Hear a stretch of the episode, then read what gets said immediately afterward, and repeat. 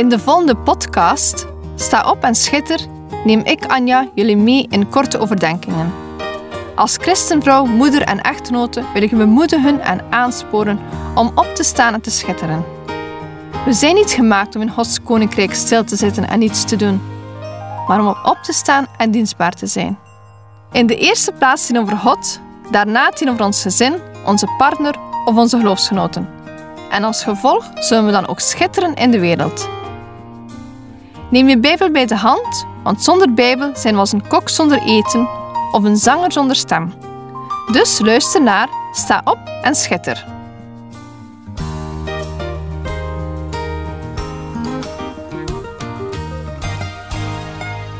We zitten midden in het feestgebeuren. De gezellige kerstdagen zijn voorbij en nu is het de beurt aan de jaarwisseling. Gezellig met vrienden en familie, oud naar nieuw vieren. Elkaar het allerbeste wensen voor het nieuwe jaar, met mooie en bijzondere nieuwjaarswensen. Het is ook een tijd waarin mensen vaak stilstaan bij het afgelopen jaar en uitzien naar het nieuwe jaar. Misschien wel het begin van een nieuwe frisse start. Een goed moment om eindelijk de versie van jezelf te worden die je echt wil zijn. Fitter, beter, gedisciplineerder, positiever, je kent het wel, goede voornemens. Het is ook voor veel mensen tijd van feesten. Vandaag in uitzending 16 wil ik jullie meenemen naar een heel bijzonder feest. We gaan niet vieren dat er een nieuw jaar is, maar we gaan naar een bruiloftsfeest. We lezen in Matthäus 22, versen 1 tot met 14. En Jezus antwoordde en sprak opnieuw tot hen door gelijkenissen en zei: Het koninkrijk der hemelen is gelijk aan een zeker koning die voor zijn zoon een bruiloft bereid had. En hij stuurde zijn dienaren erop uit om de genodigden voor de bruiloft te roepen. Maar ze wilden niet komen. Opnieuw stuurde hij dienaren erop uit, andere, en hij zei: Zeg tegen de genodigden: Zie, ik heb een middagmaal gereed gemaakt. Mijn ossen en de gemeste dieren zijn geslacht. En alle dingen zijn gereed. Kom naar de bruiloft. Maar ze sloegen er geen acht op en gingen weg. De een naar zijn akker, de ander naar zijn zaken.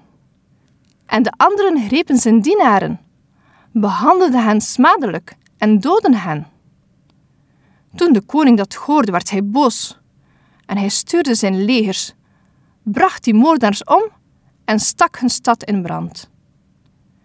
Toen zei hij tegen zijn dienaren: De bruiloft is wel bereid, maar de genodigden waren het niet waard. Ga daarom naar de kruispunten van de landwegen en nodig er voor de bruiloft zoveel uit als u maar zult vinden. En die dienaren gingen naar de wegen, verzamelden allen die zij vonden, zowel slechte als goede mensen en de bruiloftszaal werd gevuld met gasten. Toen de koning naar binnen was gegaan om de gasten te overzien, zag hij daar iemand die niet gekleed was in bruiloftskleding. En hij zei tegen hem: Vriend, hoe bent u hier binnengekomen terwijl u geen bruiloftskleed aan hebt? En hij zweeg. Toen zei de koning tegen de dienaars: Bind hem aan handen en voeten, neem hem mee en werp hem uit in de buitenste duisternis. Daar zal gejammer zijn en tandgeknars, want velen zijn geroepen, maar weinigen uitverkoren. Deze gelijkenis vertelt een merkwaardig verhaal. Dienaren werden uitgezonden met de uitnodiging van het bruiloftsmaal en de genodigden weigerden om te komen. Na de eerste weigering van de genodigden gaf de koning het nog niet op. Andere dienaren waren uitgezonden. Aan hun uitnodiging kon zij toevoegen: Zie, ik heb mijn middagmaal gereed gemaakt. Mijn ossen en gemeste dieren zijn geslacht. En alle dingen zijn gereed. Kom naar de bruiloft. De maaltijd staat al klaar. Maar ook deze boodschap had geen enkel invloed op hen. Ze weigerden voor de tweede maal de uitnodiging. Er staat maar zij sloegen er geen acht op en gingen weg. De een naar zijn akker, de ander naar zijn zaken. En de anderen grepen zijn dienaren, behandelden hen smadelijk en doodden hen. Wat een verschrikkelijk gebeuren. Ze kregen tweemaal de kans om de uitnodiging te aanvaarden. Ze wezen het af en deden gruwelijke dingen met de dienaren. Ze doden hen. Het is dan ook heel normaal dat de koning boos werd en hij zijn leren naartoe zond om de moordenaars te laten boeten. Het afwijzen van dit bruiloftsfeest had grote gevolgen. Deze gelijkenis gaat natuurlijk over het bruiloftsfeest van Jezus. In de eerste plaats was de uitnodiging voor Israël bestemd.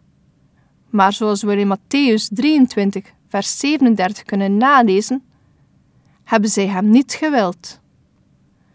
We lazen dat het afwijzen van het feest de dood tot gevolg heeft. De koning liet zich niet uit het veld slaan van de afwijzing en zond nog een uitnodiging. Hij zond zijn dienaren naar de toegangswegen van de stad en liet hen iedereen uitnodigen die ze daar tegenkwamen. Of ze nu goed of slecht waren, deed er niet toe.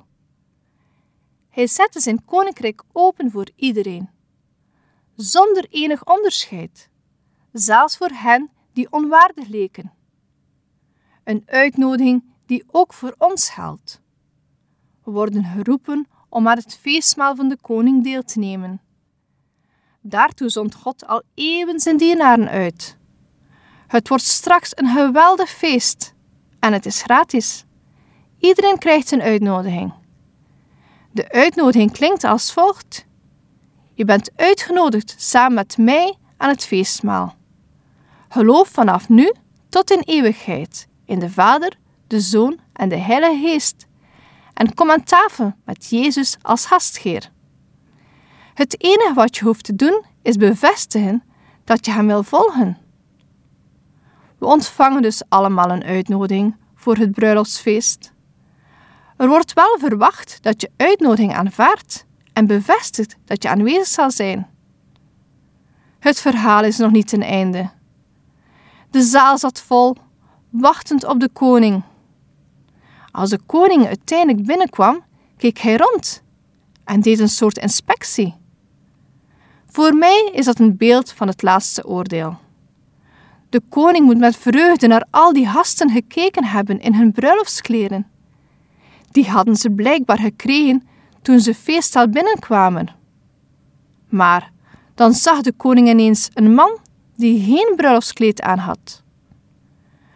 De koning zei tegen hem: Vriend, hoe ben je hier gekomen zonder bruiloftskleed? En dan volgt het adembenemende zinnetje: En hij verstomde. Hij zweeg. Hij deed zijn mond niet open. De koning noemde hem vriend en kreeg nog een kans om een uitleg te geven, maar hij zweeg. Hoe jammer. Hij kreeg zo'n mooie tweede kans om het bruiloftskleed te aanvaarden, maar verkoos om te zwijgen. Jezus illustreerde hier dat er mensen zijn die de uitnodiging accepteren, maar alleen op hun eigen voorwaarden. Als je de uitnodiging aanneemt, is het wel de bedoeling dat je doet wat de koning van je verlangt. De Bijbel is zeer duidelijk dat je niet 99% moet kiezen, maar 100%. De kleren van de koning betekenen in deze gelijkenis ook een nieuw leven dat bij een volging van Jezus past. Het wisselen van kleren symboliseert een keerpunt, verandering, omslag. Zuivere kleding in plaats van vuile, van ongerechtigheid naar reinheid. Nieuwe kleren in plaats van gevangeniskleren, van gevangenschap naar vrijheid. Witte kleding symboliseert overwinning zuiverheid en feestelijke stemming. Vandaar dat hemelse figuren witte gewaden dragen, maar eveneens degenen die in Christus hebben overwonnen. Openbaringen 3, vers 5 zegt: Wie overwint, zal bekleed worden met witte kleren. En ik zal zijn naam beslist niet uitwissen uit het boek des levens, maar ik zal zijn naam beleiden voor mijn Vader en voor zijn engelen. Sta jij in het boek des levens? Zie je ook zo uit naar de dag dat we het prachtige witte bruiloftskleed zullen aantrekken? Ben je klaar voor het grootste en mooiste bruiloftsfeest? Wie feest wil vieren, wil niets liever dan de koning een plezier doen. Die trekt dan ook de feestkleren van de koning aan. Een nieuw leven, een leven door het geloof. We moeten bekleed zijn met Christus zelf. Het evangelie heeft consequenties. We worden geroepen om Gods wil in ons leven te doen. We worden ook geroepen om ons voor dat feest passend te kleden. Je kunt niet met je oude versleten kleren van je zondige leven de feestzaal binnengaan. Door de eeuwen heen hebben talloze mensen het te druk gehad om te reageren op de uitnodiging van Jezus. Velen gaan ervan uit dat het goede dat ze hebben gedaan, naar de kerk gaan, gedoopt zijn, zingen in het koor of daklozen helpen, genoeg zal zijn om toegang te krijgen tot de hemel. Het is zoals het volgende verhaaltje. Er was een zangeres die mocht zingen tijdens het kerkelijk huwelijk van haar vriendin. Ze ontving steeds ook een prachtige uitnodiging om aan te schuiven bij het avondeten, samen met haar man. O, wat zag ze daar naar uit! De dag brak aan en de zangeres zong de mooiste liederen tijdens de kerkdienst. Wanneer ze samen met haar man naar het avondfeest ging, werden ze tegengehouden door de portier. Deze moest nakijken of ze wel op de gastenlijst stonden. Helaas was dit niet het geval en werden ze niet toegelaten in de zaal. Ze begrepen er niets van en verontwaardigd keerden ze terug naar huis. Bij thuiskomst bekeken ze de uitnodiging en zagen dat op het briefje stond: Gelieve je aanwezigheid te bevestigen. Dit hadden ze niet gedaan. Dit verhaaltje zet je aan het denken. Heb jij antwoord gegeven aan de uitnodiging? Er is maar één juiste weg, en dat is via het kruis van Jezus. Als dat zo is, heb je reden om je te verheugen en mag je uitzien naar Jezus' terugkomst. Uitzien naar een prachtig bruiloftsfeest. De dag waarop Jezus terugkomt is niet bekend. We weten wel dat de dag zo onverwacht zal komen als een dief in de nacht. Daarom, wees waakzaam en zorg dat je iedere dag klaar staat om Jezus te ontmoeten. God koos ons uit en heeft ons lief.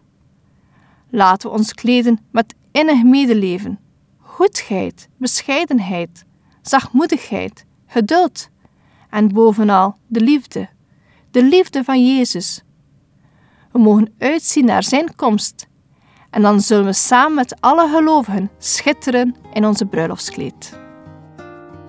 Deze podcast kun je steeds opnieuw beluisteren via de website en app van twr.be.